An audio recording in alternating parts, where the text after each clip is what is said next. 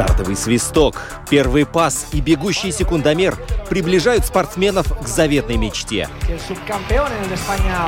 Подрев трибун своим стремлением к победе, они дарят нам уникальное зрелище и открывают мир невиданных возможностей. Голы, очки, секунды, личности и командный дух. Любопытные истории, собственный опыт, фанаты и закулисье. Роман Антонович, Евгений Равдин. Пятая дорожка. Мы узнаем, и мы говорим о спорте. Пока мы приближались к эфиру, знаете, что произошло в Дубае? А, там состоялись первые гонки на реактивных ранцах. я себе представить не мог, что это случится уже вот буквально сейчас. Ну, это понятно было, что рано или поздно, когда такие технологии приходят в жизнь, обязательно это будет использоваться как-то и в соревновательном формате. Но вот то, что это сейчас случилось, вот семь пилотов пролетели аж 600 метров над водой в костюмах, то есть чтобы был как бы повод не падать, не опускаться и не помогать себе ногами. Вот. А ранцы эти мощностью тысячу лошадиных сил. То есть можно себе представить, какая мощь была была у людей за спиной. Ну, понятное дело, что они тренировались долгое время, то есть там не взяли кого-то с улицы. Вот, тем не менее, вот, устройство весом 27 килограммов э, способно развивать скорость до 128 километров в час. И вот эти люди благополучно преодолели свою дистанцию и потом делились впечатлениями. Мол, это сон, как, как сон, да, вот ты взлетаешь, отправляешься куда-то, и не куда-то, а куда только пожелает твоя душа. Но в данном случае нужно было преодолеть дистанцию. В любом случае, э, победителями это уже исторический факт. Э, победу э, одержал, как его назвать-то, гонщик, летчик, Ранщик. Да, кстати, вот с английского языка тоже неплохо мы так обыграли. Иса Кальвон, да, из Великобритании. И вот, пожалуйста, у нас есть исторический факт. А мы сегодня на пятой дорожке будем говорить о трех китах латвийского спорта. Это хоккей, баскетбол и футбол.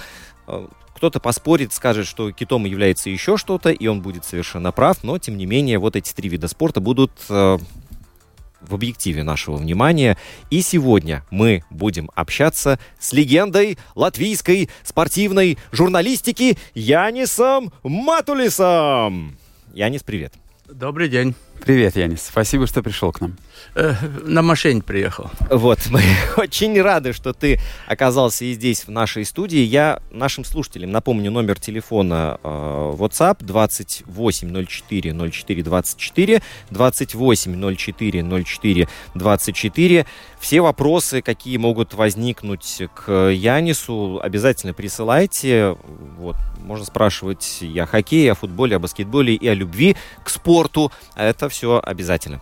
Что ж, э, Янис, тебе, наверное, как почетному гостю будет право на выбор. Вот э, с какого вида спорта мы можем начать э, сегодняшнюю нашу беседу, потому что и там, и там, и там есть такие, ну, глобальные изменения, глобальные события. Э, ну ладно, начнем тогда с футбола, потому что э, в мире футбол король и в латвийских масштабах тоже король. Да, ну, судя по тому, сколько денег федерация получает, это однозначно. Вот, но э, события, которые буквально таки приковывают внимание, это то, что происходит э, в тренерском штабе. То есть сборная еще не начала выходить на газон, но, э, как говорится, все мы строим с фундамента. А фундамент у нас тренерский штаб. И вот, когда э, говорили, что выбрали главного тренера сборной Латвии по футболу. И я когда прочитал первое имя, я думал, ну неужели это самый тот человек, о котором я мечтал увидеть в Латвии наконец-то, Пауло? Но это был, нет, не Мальдини, а Николатов. Знаете, я не хочу делать прогноз, потому что я один раз уже ошибся.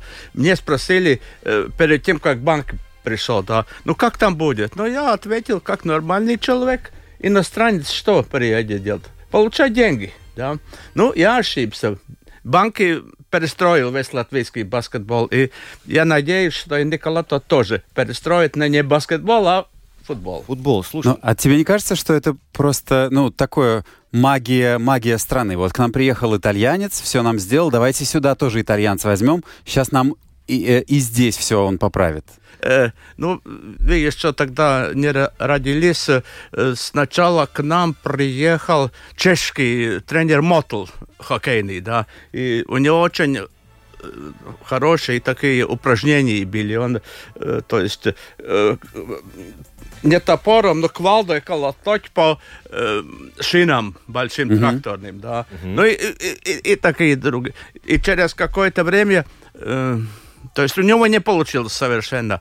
Но потом футбольную команду Даугова венгерский э, специалист Шомлай, у него получилось. И э, Даугова, ну там э, мало хватало, чтобы в высшую лигу зайти, да. Так что фамилии, не фамилии, и, ну, мы Латвии вообще-то любим иностранцев со всех сторон. Но, но смотри, как бы Италия, футбол, кальчо, да, да, и да, вот да. если оттуда приезжает специалист какой-то и будет тренировать нашу сборную, но это уже такой стереотип должен срабатывать. Ну, послушай, я... я хочу, я просто хочу немножко поспорить. Мне кажется, что стереотип и в отрицательную сторону срабатывает. Ты думаешь, что если человек приехал из Италии, то значит он автоматически э, разбирается, понимает и, и все знает. В футболе. В футболе. Да, в футболе. Ну хорошо, но я я помню, был же там в Венспилсе, скажем, Дзавитьери. Ну, разве я не помню, что ну, как бы он не провалился, но ничего э, такого, знаешь, прорывного, никаких результатов он не показывал. Ничего, мне кажется, не было. Но это было в прошлом веке, да? Это было в прошлом тысячелетии даже примерно. Вот, ну, я не к тому, что я знаешь, так вот сразу считаю, что сейчас наша сборная будет играть э, на уровне э, команды, у которой 4 звездочки на футболках, да. А я к тому, что вот эти изменения, они должны что-то принести с собой. И тренер, который работал с молодежной сборной Италии, а ведь молодежная и взрослая сборная это совершенно разные вещи. Да, э, да вот я тоже этим моментом опасаюсь, потому что, э, допустим, э, я тоже, может быть, мог э, пару игр в хоккее вот с, такими, да, ребятами, которые десятилетними, да, а, с большими нет. И я потому и, ну, ну, понимаешь, но все равно надо к жизни относиться положительный, потому что мы все знаем, что... Ну, вы тоже умрете, не только я. Но надо радоваться, что мы пока живы, и, и надо ожидать, что будет положительный результат. Не, хочется верить, конечно, хочется. Да, нет, ну, э, мы уже... Ну, нет, я не верил, что у Казакевича получится. Я думал, что э, со второго прихода э, Александр Петрович получится, но не получилось, да. Ну, знаешь, да, у нас э, мы, мы говорим о том, что пришел иностранный тренер, но у нас-то, в общем, местных вариантов-то и не было. Разве... Ну, Согласен. Разве я, что... Я, я не знаю, где сейчас э, Игорь Степанов, тот, кто длинный, где он работает. На э, Малдивских островах где-то он был. Не скажу, не скажу, не помню. Мы там не видели его. Вот. Я просто говорю, что, ну, кто, может быть, был пахарь но он занят э, в клубе.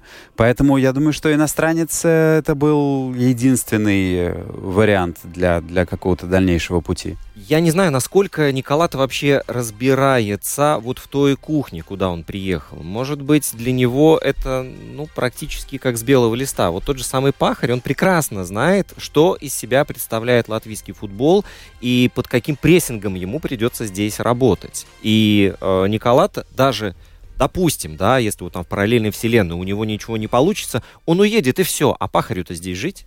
Э, все правильно, но э, я думаю, потому он и, и выбрал э, помощником Андрея Саванина, вот. который, ну как сказать, ну он же швейцарец. Практически, да. да. Mm-hmm. И Александру Цауню, который я не знаю, что, он делает тут на месте вообще. Ну, два великих наших футболиста. И, и надеемся.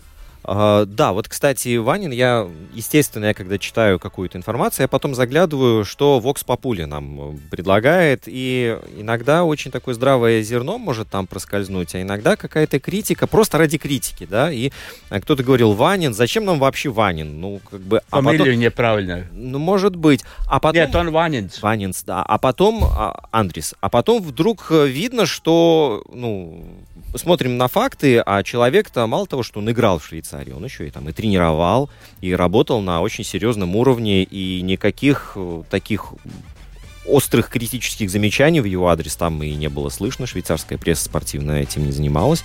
Вот, а почему бы и нет? Почему бы не попробовать Ванина? Тем более, что с его-то опытом дать дельный совет, посмотреть э, и как бы направить правильное русло вот именно голкиперскую часть, ну, why not?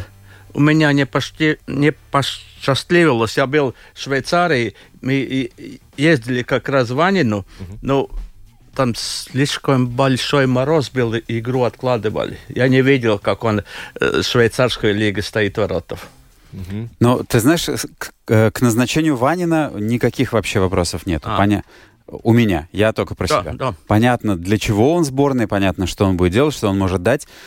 Цауни, я надеялся, что ты больше будешь осведомлен, чем он занимался вообще последнее время и в какой роли э, его берут. У тебя есть предположение или понимание? Я думаю, потому что они оба, по-моему, из Илукста, из того края.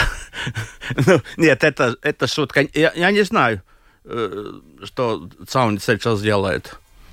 Я даже я не могу похвастать тем, что я следил за его карьерой последние годы, но мне кажется, что он э, на виду, по крайней мере, в футболе точно не был. Нет, в футболе, как бы, да, о нем мало было слышно, но мне вот обидно то, что бывает так в жизни, талантливый спортсмен, угу. вот очень талантливый угу. и работоспособный, и по независящим от него обстоятельствам он просто, ну, вынужден останавливать свою карьеру, ставить точку в 28 лет. Да, да, я, я согласен. И, ну, ладно, я тут вас немножко старше. В советское время это нормально было, он уже стариком считался. Сейчас играет до 40 лет, а Ягр сколько там, 52 будет, да. Так что жаль, конечно, и он, он мог намного выше и намного больше достигнуть. Да, но в советское время я так понимаю, что если у тебя ты травмировал связки колена, особенно крестообразные, то считай, на этом твоя карьера заканчивалась. Ну, сейчас да. полгода, да. год, и ты играешь снова от ну, сауня. Вообще медицина сейчас так ушла вперед, и мы, мы, вы тоже будете дольше жить. Надеемся. У нас такой философскую сторону ну, я же уходит все время э, разговор. Очень было жаль, вспоминая, вспоминая игровые годы Цауни, очень было жаль, потому что он только начал забивать в Лиге чемпионов и мог добиться... Я думаю, что он, как игрок, если бы все было у него хорошо со здоровьем, мог бы быть больше, чем Верпаковскис, и уж не меньше, чем, чем Пахарь. Но есть и хорошая новость э, сегодня — Э, Гудковскис угу. впервые с августа, когда он как раз себе крестообразные связки порвал, вернулся на поле в чемпионате Южной Кореи и забил гол даже. Кому, что... чемпиону там или ли, ли, э, лидеру? Э, забил, знаю, что фавориту матча. Не помню, чемпиону или лидеру. Э, но меня порадовало то, что человек вернулся и сразу как-то принялся забивать. Значит, э, Можем ну, рассчитывать на него в сборной, надеюсь? Ну, конечно, мы, э, то есть отборочном цикле четыре гола забили. Пятый забил ар армянин Мкрчтян свои ворота. Да, но это сумасшедшее дело. Угу. Вот. Ну а что касается Гудковскиса, то э, смотрите, Южнокорейская лига, если кто-то не смотрел футбол, вот там, там вообще бешеные скорости. И э, влиться туда, в этот, вот в этот котел, с э, латвийским менталитетом, ну, я бы сказал, это действительно что-то сродни подвигу. Ну, он в Польше играл до того, да? М да. Гудковский, да, да, в Польше да, да. Ну, ничего, там тоже менталитет нужен. Вот, так что хорошая польская закалка у латвийского футболиста, и в Южной Корее карьера еще э, выше пошла. Ну что ж, тоже здорово. Но, с другой стороны, у нас есть э, Кроллис, который Я не следил, перешел он или не перешел. Перешел уже, Янис? Да-да-да. Ну, а, уехал... аренду дали, по-моему. Ага, уехал, да, в, в Чехию, в первый дивизион. Так что у него с Италией пока что роман не получился. Как ты считаешь, ты видишь потенциал в нем вернуться вот в какую-то топ-5 лигу? Или это все-таки вот Чехия, это его уровень? Мне нравился, как он в Алмере играл. Uh, ну, возможность есть у всех. Там же, вы же тоже понимаете, что в спорте не только... То есть, вот как Гудковский. Первая игра, да? В первой игре, если забиваешь гол, все, ты, ты уже будешь играть весь сезон, да. А если травмировался, все, ты, тебе позабили. Так что э, я думаю, что Кроллис вернется в Италию, да. В какую лигу, черт его знает, там же много лиг. На Кроллиса хватит. Я, кстати, когда был на матче второй лиги Италии, серия Б, ну, уровень уровень там ого-го ну какой, ну, да. да, мы не будем сравнивать вторую лигу эстонского чемпионата и чемпионата Италии, так что, ну, как знать. Вот, ну, я думаю, что в футболе еще есть что сказать. Я хотел, я не столько тебя спросить, э, когда назначили Николато, занимался ли ты, ну, изучал ли ты его, что это за тренер? Нет, нет, ну, я так э, прочитал, что он вот, вот как раз юношескую сборную Работал тренировал. с молодежью, и, да. А, то, что у меня тоже опасения были, что он не работал, э, ну, за взрослый. С Мюнхенским Байеном. А. А, а, а так, э, ну... Ну, смотри, сейчас... Ну, у него сколько, 60 лет? Лет? Сколько? Ну, не знаю, но что-то около того. Ну, амбиции должны быть еще. Ну, смотри, сейчас он выиграет чемпионат Европы со сборной Латвии и поедет в Байер. Или в Баварию. Сто процентов. Вот. А, еще напрашивается вопрос, э, вот как в контексте этих изменений в, в э, тренерском штабе пройдут выборы, выборы да. Знаете, мне вообще нравился тот период, ну, после Горкша, да. Там сейчас, сколько я понимаю, больших скандалов не было. Ну, естественно, там, где больше денег, там скандалы, да. Но, по-моему, Ляшенко довольно нормально прорулировал латвийский футбол, да. И мне особенно к нему нечем придираться. Выиграет ли он выборы? Ну, там же ну, вот сейчас тоже, вот я шел в университете выборы, были ректора, да, ну, не выбрали. Хорошо, хорошо, хорошо, что у нас есть выборы, подумал я в эту паузу. А то есть, есть примеры. Э, да. Мне кажется, что Лишенко, понятно, что большая часть это какой-то пиар, но он умеет и здесь да. показать, и здесь, а вот здесь я с детьми, да. а здесь я открываю красную ленточку, перерезаю. Но мы получили там чемпионат э, Европы по футзалу, какой-то молодежный чемпионат какие-то появляются новости про стадион, но это как бы всегда мы живем на фоне новостей о национальном стадионе. Ты Слушай, помнишь, я, Ром, где шла речь? Я, я остановился на Луцевсале. Ой, нет, я, я, я... Ну ладно, я не скажу, где я хочу стадион. Ну уж скажи, заинтриговал. Там, где памятник был. Там уже все занято. Там, где Узвар, распад? Ну, там же легко можно там же был, ну, был один из планов, что там будет э, футбольный стадион. Да, был, но мне кажется, что вот под такой стадион, ну, меня сразу в, в, рисует моя фантазия, ну, как, как минимум Кампноу какой-нибудь, да, вот, и помня, что стадион плюс еще там куча инфраструктуры вокруг, там стоянки должны так быть. Я, я, я могу э, э, из дома прийти спокойно за пять минут. Ты-то да. Ну. А тут же, понимаешь, будут съезжаться Ай. со всей страны смотреть 60 тысяч зрителей. Ну вот, э, э, понимаете, я э, довольно часто посещаю стадион Даугава, да. Ну, я не представляю, что этот э, стадион национальный стадион по футболу. Ну, нет, ну нет. там не, не футбол, не легкая атлетика. Ну, ну, не серьезно все это. Там можно э, рыть, э, деньги копать в землю, там ничего не будет нормального. Я согласен. Нет, там далеко трибуны. Как бы Даугава да, это наше... Это не футбольный. Да. Это наше святое место. Да. Мы ни за что с ним не расстанемся. И там здорово, что построили один манеж, второй манеж. Хорошо, что есть такой спортивный комплекс. Но это, конечно, я с тобой согласен, это не национальный стадион э, для футбольной сборной и вообще не футбольный, по большому счету, стадион. Но зато поезд там есть. Да, вот, кстати, в Фейсбуке есть э, страница, там уникальные спортивные сооружения, и помимо вот на Фарерских островах тоже есть э, стадион, да, который прям вот на берегу самом находится э, Северного моря.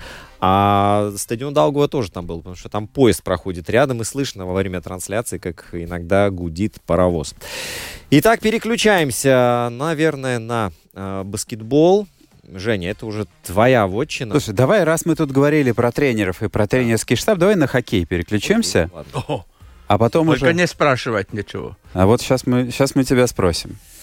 А, смотри, несколько дней э, появилась э, новость о том, что у хоккейной сборной э, поменялся состав тренерского штаба, что вместо Аблса будет э, Пелтонин, и Виталинч сказал, что Аблс будет продолжать работать со сборной У-20.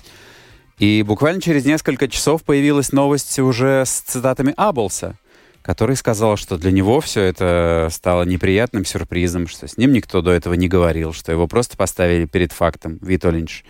А, ну, ты просил ничего тебя не спрашивать, но я спрошу, что ты об этом думаешь?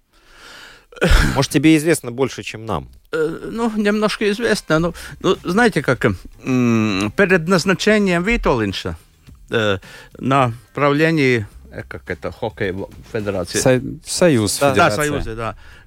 Э, Федерация. да. голоса 3 на 3.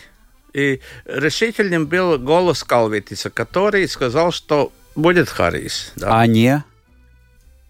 Три на три. да он, же, он же и кем? президент.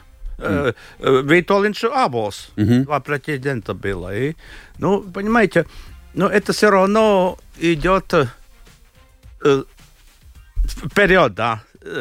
Они же в тот момент где-то одинаковые были. У Харриса же, как у э, главного тренера, успехов не было. То, что он помощник и, может быть, главный тренер при Знарке, это другое дело, да. Ну и, и плюс э, Артис э, во много раз тоже э, и мне говорил, что э, он не умеет э, э, язык закусить, ну, Держать за держать. зубами. Да, да, да. Он иногда лишнее говорит. И, ну, и когда команда проигрывает, много нега- негативного лишнего. И я, конечно, как журналист очень рад, если человек так и говорит, что, Что думает, да? что ты никогда не будешь играть в хоккей и так далее. Ну, ну это, это, может быть, накопилось. И, ну, и плюс, э, понимаете, э, кто главный? Главный Витолинч. И он уже имел в первом варианте право выбирать себе помощников, а не то, что ему э, предлагали Артиса как помощника, да. И я думаю, что в принципе все нормально, в жизни так бывает. Будет ли это к лучшему? Надеемся. Не, я уверен, что я, я желаю и, и Артису Аблсу э, замечательных успехов. И я думаю, что его время еще в сборной будет. придет, потому что Ой-ой-ой. Нет? У, у Мне него, кажется- у него уже 51 год. Ну и что? ну мало ли кому 51 год. Ну и что? А, Я выгля- ду- а выглядит он... Я... Мне кажется, что всякий раз, когда э, ос- освобождается место тренера сборной Латвии, его имя э, так или Да, иначе да, будет да. всплывать, он будет в кандидатах. Конечно. Я думаю, что рано или поздно он э, дождется этого. То есть здесь ты думаешь, как... ну, я не знаю, можно ли так говорить, но что-то вроде Виталинш избавился от конкурента или от человека, который мог соперничать с ним в авторитете? И да, и нет. Нет, понимаете, ну, ну авторитет. Но сейчас э, э, Виталинч выиграл... э, Ну, он бог просто. Да, сейчас. да, он бог, да. Ну и если э, э, при, при нем кто-то там э, говорит, ну, ну, что плохо, плохо, плохо, ну, он просто избавляется, не то, что он избавляется от человека, но от каких-то плохих дел, плохих разговоров, да. Потому что, ну, е- если вы в горы ходили, ну, там тоже выбирают бригаду, чтобы все смотрели одну сторону, да. Ну, артист, может быть, э, немножко по- по-другому на жизнь смотрит. Ну, ну, что поделать, такова жизнь.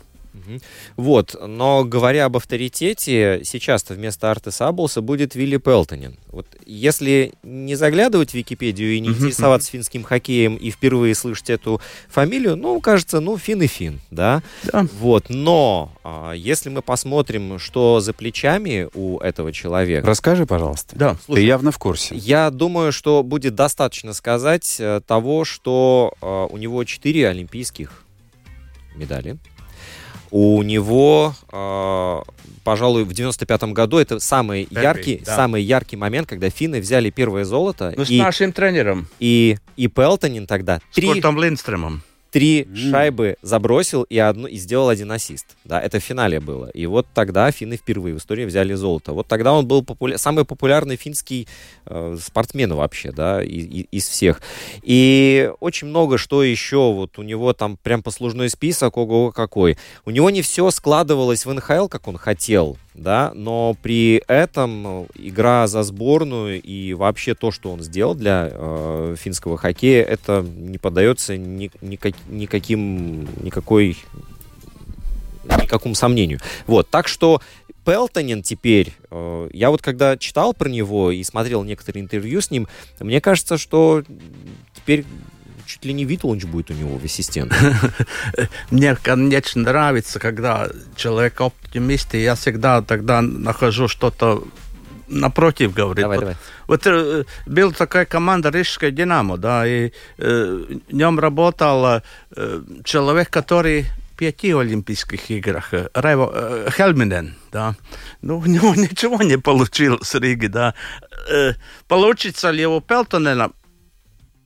Может быть. Но есть еще такой вариант, понимаете, один фин есть, да, ну, ему же э, хочется в перерыве или э, там э, вечером поговорить по-фински, да, и это, это не насмешку, но так бывает, что и Ну, хоккеистов берет двоих-троих, если берет чехов, то берет, берет троих, да, и это все нормально, и плюс еще он, ну, как тренер он хороший считается, да, там не, не должно быть вопросов.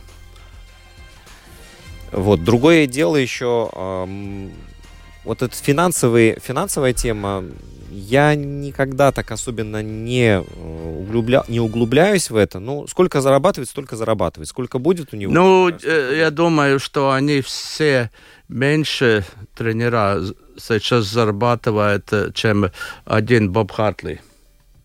Вот так даже. Ну, я так думаю. А, у тебя, у тебя нет. Нет, нет, я, циф- я цифры не запомню. Не запоминаю. Вот, э, теперь, э, что, на твой взгляд, э, может вот это вот тренерский штаб вместе с Витулиншем и Пелтонином как первым помощником, что вот он может поменять-то в, этом- в нашем хоккее? Ведь, ладно, там Да, я, я понял вопрос. общество уже видело, что наша сборная может завоевать медали. Да, там есть определенные э, но, но тем не менее медали у нас э, есть. Кто-то скажет, а что нам нужно менять-то? У нас и так все прекрасно. Да, да. э, понима- понимаете, я бы не сказал, что главная фигура Пелтонен. Я бы сказал, что главная фигура Раймонд Вилкоц, который э, в прошлом году уже был. И я общался со многими тренерами, но у него есть талант, и он, по-моему, не аспирант, он докторантуре тоже пишет докторскую. И он, он умеет э, м, сложные вещи так рассказать, что даже такой дурак, как я понимаю, что он говорит. А то бывает, там говорит то-то-то-то. Но я же вижу, что половина журналистов не понимает, что он говорит. А э, Вилкоиц очень толковый. Э, Лаурис Дарзинч, он же тоже был нападающим. Так что у нас сейчас э, в команде э, четыре нападающих вместе с Харием Витолиншем, да. То есть Пелтонен, Витолинч, э, Вилкоиц и Дарзинч. Я думаю, что тут должны шайб по 6-8 забрасывать. В первом периоде причем. У нас же еще Ирбы в штабе. Э, э, Да, ну, а, Ирбе тоже э, хотел, любил вперед лезть, да. Вот, так что э, насколько вот сам хоккей, то есть, я так понимаю, он будет больше с атакующей, э, еще больше будет акцент ставиться на этом? Я думаю, что нет. Тут же э, э, нападать можно, но понимаете, что все-таки с оглядкой на свои ворота. Если воротах будет э, такой вратарь, как в прошлом году Артур Шилов сбил, да, ну тогда можно нападать, да. Если там не так хорошо, э, я думаю, что такое бесшабашное нападение не будет. Что будет... Ну, финны же тоже э, не столь нападают. Они их же играют прагматичный хоккей. Сейчас, да, Пелтон, может быть, в свое время по-другому по играл. Не, ну, конечно, мне кажется, количество нападающих в тренерском штабе не связано никак с манерой игры. И у нас не тот уровень, чтобы мы, э, забыв про оборону, неслись вперед. Да я не уверен, есть ли у кого-нибудь тот уровень. Я не думаю, что в игре сборной что-то сильно поменяется. Мы постараемся надеяться на вратаря, мы постараемся с такой же отдачей работать в обороне, как в прошлом году, ну и бежать и где-то надеяться на удачу. Ну, как раз моя следующая статья будет, э, по-латышски она будет называться, что «Латвийши емет вису», то есть, ну, латвийские игроки забрасывают все. Везде, да. Э, Швейцария, Балцерс, э, Чехия, Тралмакс там, э, э, Швеция, ну ладно, это Алсвенскан, Индрашиш, второй король, достаточно много. Букарц. Оба, два Букарца. Оба Букарца, Они да. вместе э, объединились, и там это сила, да. Э, Даугавинш, ну ладно, он пасы отдает. Так что э, про нападение я бы... В прошлом году я, я немножко был скептичен, что, ну, нет такой силы, а сейчас, ну, может быть, наоборот получится. Блюгерс что... набирает очки. И, и, и еще надо надеяться, что к финалу э, Блюгер успеет. Так что... Как-то ты быстро списал со счетов э, Ванкувер в Кубке Стэнли. Нет, я, у него же есть кубок. Ну, слушай... Э, Пусть снова привозят. А второе, почему нет? Но, а мы, между тем, была же еще новость о том, что э, НХЛ согласилась отпускать игроков на две ближайшие Олимпиады. То есть у нас в конце августа, начале сентября олимпийский отборочный турнир здесь, в Риге. И мы поедем, будем надеяться, на Олимпиаду. И там мы сможем, я надеюсь, увидеть Блюгерса и, может быть, о чудо, Гиргенсонса. Да, да. Я, я, ну, то есть, э, если они будут здоровы, э, летом они будут играть э, сто процентов, да. И, но я тоже хочу Куда? Милан надо ехать, да?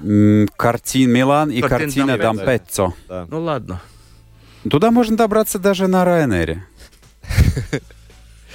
Но мне э, не нравится итальянская еда. Слушай, там север, ты, север, ты там австрийская а, рядом. Так что нормально. Нормально, да? Вот. Возьмешь консервы с собой. Про кадровый э, вопрос. А не кажется ли вам, что, э, что, так, сообщение и еще раз. А не кажется ли вам, что кадровый вопрос в сборной Латвии лишь э, решается не за счет игроков, а за счет тренерского штаба? Улучшить э, состав игроков э, уже, в принципе, невозможно. Ну, состав можно улучшить только из-за счета игроков из Америки, если они успевают, да. Mm. Из Европы, я думаю, что там какой-то из э, этой связки делать что-то такое сумасшедшее, что, тут, ну, как, что мы говорим, что шесть шай в первом периоде, ну, очевидно, нет. Да, и, ну, ну, я понял, что и, что и, и игроки не были очень довольны с Артисом, да. А такой тоже был. То, ну, то, в том же смысле, ну, что он слишком много языком работает, да. И, ну, понимаете, я тоже э, человек, я могу, я своей жене очень мало комплиментов говорю, да, ну, ну дурак, естественно, да, ну, э, или э, надо, надо, наверное, больше э, положительного говорить, ну, ну, я такой человек, мне, я бы никогда э, не был в составе, э, тренерском, тренерском составе сборной хоккея. А в баскетболе? Ну, нет, то, что, то, что Лука Банк сделал, это, конечно, феномен. Потому что если мне кто-то сказал, что Чаварс может играть э, центровым, ну что, что вы смеетесь, это же не баскетболист, да. Оказывается, что может, да. Так что мы, мы гладко уже нам да, мы перешли уже, на баскетбол. Да, да, сменили клюшку на паркет.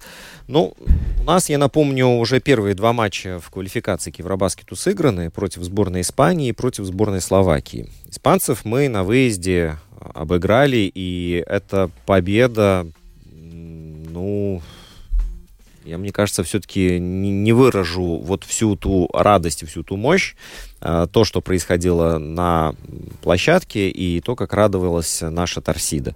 Ты был в Сарагосе? Один раз проездом, давно. Ты знаешь, ты знаешь, в чем победа, мне кажется? В том, что мы смотрим уже матч Испания-Lатвия, и я смотрю, и я думаю, нет, ну надо выигрывать. И мне, мне уже будет обидно, если мы проиграем в Испании в гостях. А когда мы выигрываем, у меня уже мысль, ну вот, правильно, так и должно быть. Не то, что, а, мы обыграли, а, а. Мы нет. маленькая Латвия и большую Испанию да. обыграли. Нет, нет, все, все правильно. Э, это ну, вообще спорте говорит, что все начинается с головы. Если ты веришь, что можем выиграть, да, и выигрывается, да. Ну, я же тоже не верил, что... Ну ладно, э, там Южной это...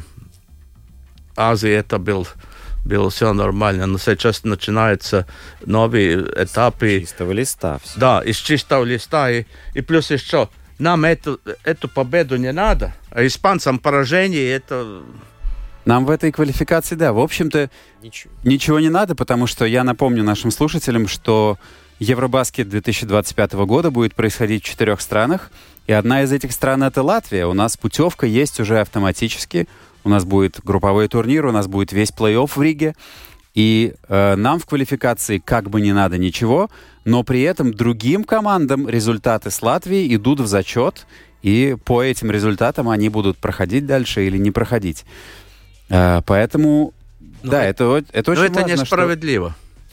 Что именно несправедливо? Что и, играем турнир, где нам ничего не надо. Да, слушай, ну, с другой стороны, я согласен. Вот если бы э, это было бы там, где нам нужно, и вот у нас такие победы, вот это совсем другое дело. Но, а давайте посмотрим... Но все равно, победа есть победа. Да, а теперь давайте посмотрим на все это через призму победы над Словакией. И здесь картина совсем другая, потому что э, этот матч, он показал и слабые стороны сборной, и то, что Лука Банки может себе позволить не остаться на паркете после матча на церемонии награждения, а сразу уйти. Да, и уйти, э, потому что даже не то, что явно что-то, а но, очень но много он показ... что Он так... показал своим поведением, что ему не нравится эта игра, да? Угу. Вот. И я бы не хотел находиться на месте баскетболистов в раздевалке, когда он туда зашел после матча. Ты знаешь, я, я не видел... Э... Зато Ренкевич зашел там, по-моему. Да. Я, я не видел, смотрел по телевизору, не видел, как вел себя Лука Банки, но на мой взгляд болельщика ничего страшного не произошло. Бывают тяжелые игры. Бывают тяжелые игры с заведомо более слабым соперником. Бывают тяжелые игры со слабым соперником на своей площадке. Но в конце концов, мы собрались, мы выиграли, там плюс сколько, 10-12 очков. И мне, не знаю, мне не было тревожно во время этой игры. Мне кажется, что мы все сделали хорошо. Понятно, что это был не тот же уровень, но это был тот уровень, которого хватило для победы. Ну, есть такое выражение, которое принадлежит э, одному футбольному ветерану, что лучше некрасивая победа, чем красивое поражение. Да, для Википедии тоже верно. Да-да-да. Это Алфонс Егерс говорил. Угу. Так. Ну, я, я соглашусь, и это, в принципе, вообще к любому виду спорта и к любому поединку, да, подходит. Но э, иногда бывает так, что, чтобы понять, что вот само содержание матча, да, оно очень важно в это углубиться, потому что результат это будет одно. А в итоге мы увидим, что эта сборная вот где-то не исправив то, что уже появилось и было видно в этом матче, может сыграть очень злую шутку. Жень, тебе не было тревожно, потому что, да, как бы, как верно заметили, в этой квалификации у нас все есть. Ну, может быть, может быть. Но я видел, я видел игру, я видел, да, были ошибки, было что-то там не работало, какие-то игроки, может быть, не выстрелили. Да, но зато я видел, что там Зорикс, например, стабильно дает результат. Гражулис, мы уже не будем про него говорить даже. Я увидел, что Тима вернулся и показал себя игроком, который заслуживает места в сборной, который может приносить ей пользу, который в нужный момент знает, что делать. Поэтому я увидел много хорошего. Но момент истины у нас будет э, летом тоже, когда у нас будет и по баскетболу олимпийская квалификация. Вот там уже будет тревожно Какая истина? Мы с самого уже, начала. Мы уже победили, мы уже 5 миллионов получили. Там нельзя не выиграть. Надо, да, надо.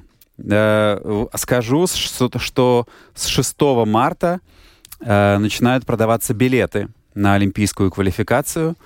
И если вы хотите на нее попасть, не откладывайте на 7 марта это дело, потому что есть шансы, что 7 марта билетов уже не будет. Ну, если до Словакии, я, я сколько я понял, не было лишних билетов.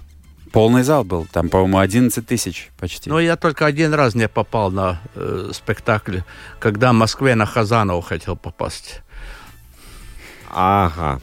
Ну, смотрите, вот мы, мы, мы видим то, что э, публика снова голосует, э, говорит ногами, да, мы хотим видеть вот такого уровня баскетбол. Я не, сейчас не скажу точно, вот было ли еще когда-то э, матч сборной Латвии по баскетболу, когда вот пол, полная арена... Не, ну были, Слушай, были. Ну это, были это с Литвой, за... было в квалификации, да. там, когда греки приезжали, было, Турция, было. может быть, там не было прям под завязку забито, но там 9 тысяч, что-то в таком и, духе было. Спорта старый тоже был полон, но там меньше там где-то 7 тысяч, по-моему, там кто, э, Мадридский Реал, кто там приехал? Или Барселона? Барселона. Ну, хорошая команда была. Там, да. Тоже полный. С Бродсона играть? По-моему, да. Но это давно было, тоже в прошлом. Я помню, да-да. Это уж точно в прошлом тысячелетии, да. Пару слов про Кристопса Порзендиса. Мне понравилось, знаете, что, а, что перед матч, что он смотрел там у себя в Америке матч против э, сборной Испании, то есть нашел как бы и, и время, и вот от и до, и даже у себя в социальной сети он э, делал фотографии телевизора, такие э, скриншоты, еще и комментарии добавлял. Вот, так что э, поддержка тоже здесь присутствует. Да, очень хочется летом его видеть в Риге. Э, ну, ну, увидеть мы его увидим, но хочется и с мячом руки. С, с мячом, да, с мячом Ар- около, арене, да. около чужого кольца. Ну, я думаю, что мы еще, ну, люди латвийские еще не оценили, то есть его роль не как игрока, но как э, члена команды, да, потому что, ну ладно, э, он может, он может э, любое государство э, улететь, да, но если человек э, с командой на чемпионат мира поедет, ну, это, это очень высоко оценивается. Но это еще, это еще знак и ему, да, да. и нам, болельщикам, и остальной команде, что он, да, да, он там, он один из них. Не, это очень, очень мудро и очень здорово.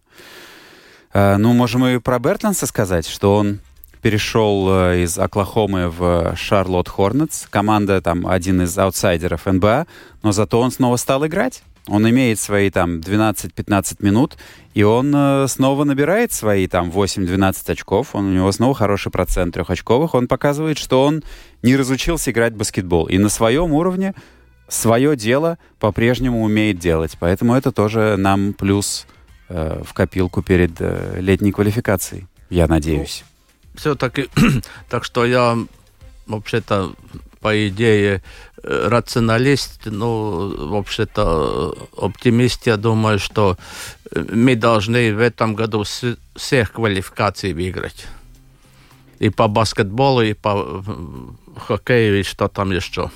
Вот по, по футболу еще тоже. Тоже есть, да. Давайте, давайте, я тут выписал, кого мы должны обыграть. Квалификации, в олимпийской квалификации по хоккею мы должны обыграть Францию, Словению и Украину. Причем ну, соперники недавно поменялись. До этого была Франция, Австрия и, кажется, Япония. Япония, да. Да. Ну что, вроде всех должны обыгрывать. А, Франция, Словения, Украина. Да, но самые сложные матчи у нас, как показывает практика, вот против таких заведомых аутсайдеров. Против французов. Мы же мучились. Вот, да, и с ними мучения вот, последнее время точно. С Францией мучаемся, да, но... Мы же против Казахстана тоже мучились, и если там... Кто там? Э, это, если Далмен не ошибся, может, и не выиграли. Угу. Так что, ну, э, и, и кого мы должны по баскетболу выиграть? А в баскетболе э, в нашей подгруппе это Грузия и Филиппины. И потом э, две лучшие команды, потом полуфинал и финал, а во второй подгруппе Бразилия, Черногория и Камерун. Ну так, если предположить, то, значит, в одном матче мы должны обыграть, видимо, Черногорию и в следующем Бразилию. Или в одном Бразилию, а в следующем Черногорию. Нет, Бразилию мы обыгрывали уже летом. Тут, тут все ясно. У меня только другой вопрос. Я же тоже журналист. Я тоже могу задать, задать вопрос. Да. Давай. Э, вот э, как вы полагаете, из каких государств приедет этих 10 тысяч болельщиков, которые э, два, два с половиной миллиона э, евро ПВН отдаст? Я так посмотрел, Филиппины, Вряд ли. Черногория, может быть, ну, 10 тысяч. приедет, да. Я думаю, что болельщики приедут э, в основном из Цесиса, из Валмеры. Цесиса, Лимбажи, Валмеры, да, Лепой. А для них еще и парковка платная будет. Не, ну тут особо некому приезжать. Ну, будет немножко болельщиков сборной Грузии и, может быть, черногорцы, да. Ну, я еще... Ну, Бразилия. Еще чуть-чуть. использую то, что меня нельзя выгнать из эфира. Понимаете, что мне понравилось на прошлой неделе. Э, я сам из Цесиса, и как коллега э, деда всех троих куровцев, как сюжет, сюжет сделал, ну, отлично, понимаете? Мужик, мужик который э, двоих до испанской лиги вырастил, и третий тоже уже 2.08 или а где... Сумасшедшее дело. Подскажи, где можно... Э, это видеосюжет? Э, посмотреть? Это... Ну, это же ваша латвийская теле... ЛТВ-1. А вот на ЛТВ-1 будешь смотреть. Ага, да. ладно, это я посмотрю с удовольствием. Вот. Э, я думаю, что лучшей рекламы Цесиса да, в Испании мы точно не найдем. Вот. И я думаю, что уже пора закругляться. Программа «Пятая дорожка» к своему финишу приближается. Ну, знаете, какой был луч, самый лучший, как это, э, я, это года три назад, четыре, я заезжаю в Цесис, и там большой баннер «Цесис, родина Родиона Куруца». Серьезно? Да. Вот это конфета, да. Это здорово. И мне, и мне, мне все равно уже настроение поднялось, и Слушай, надо в каждый город, вот на въезде, в каждый город вот что-то такое сделать. И самое приятное, что ну, практически в каждом городе кто-то найдется. Конечно. Да. Валушная. Даже, даже Рига есть. Я да. вот стал, я вот подумал, кто у нас кто в сборной баскетбольной из Риги? Есть вообще кто-то? Не хочу соврать. Тима из Красловы, мне кажется. Да, из того края, да. Порзендис ну, Лепая, Бертон и Богатский, Богатский. Ну, млад, младший Бломс, рижанин, по-моему, да? все-таки, да. Хотя он э, отец из Салдус, по-моему. Mm-hmm. Вот, в любом случае, богата латвийская земля спортивными талантами, и это радует. Радует э, нас бесконечно. Евгений Равдин. Роман Антонович. И... Ну, давай хором. Ну, давай. Янис Матулис был у нас сегодня в гостях. Янис, большое тебе спасибо. Льелс Палдес. Э, друзья, мы встречаемся ровно через неделю. Много спортивных событий. И, может быть, к нам в эфир даже приведут коня. Как знать. Узнаем. Счастливо. До свидания.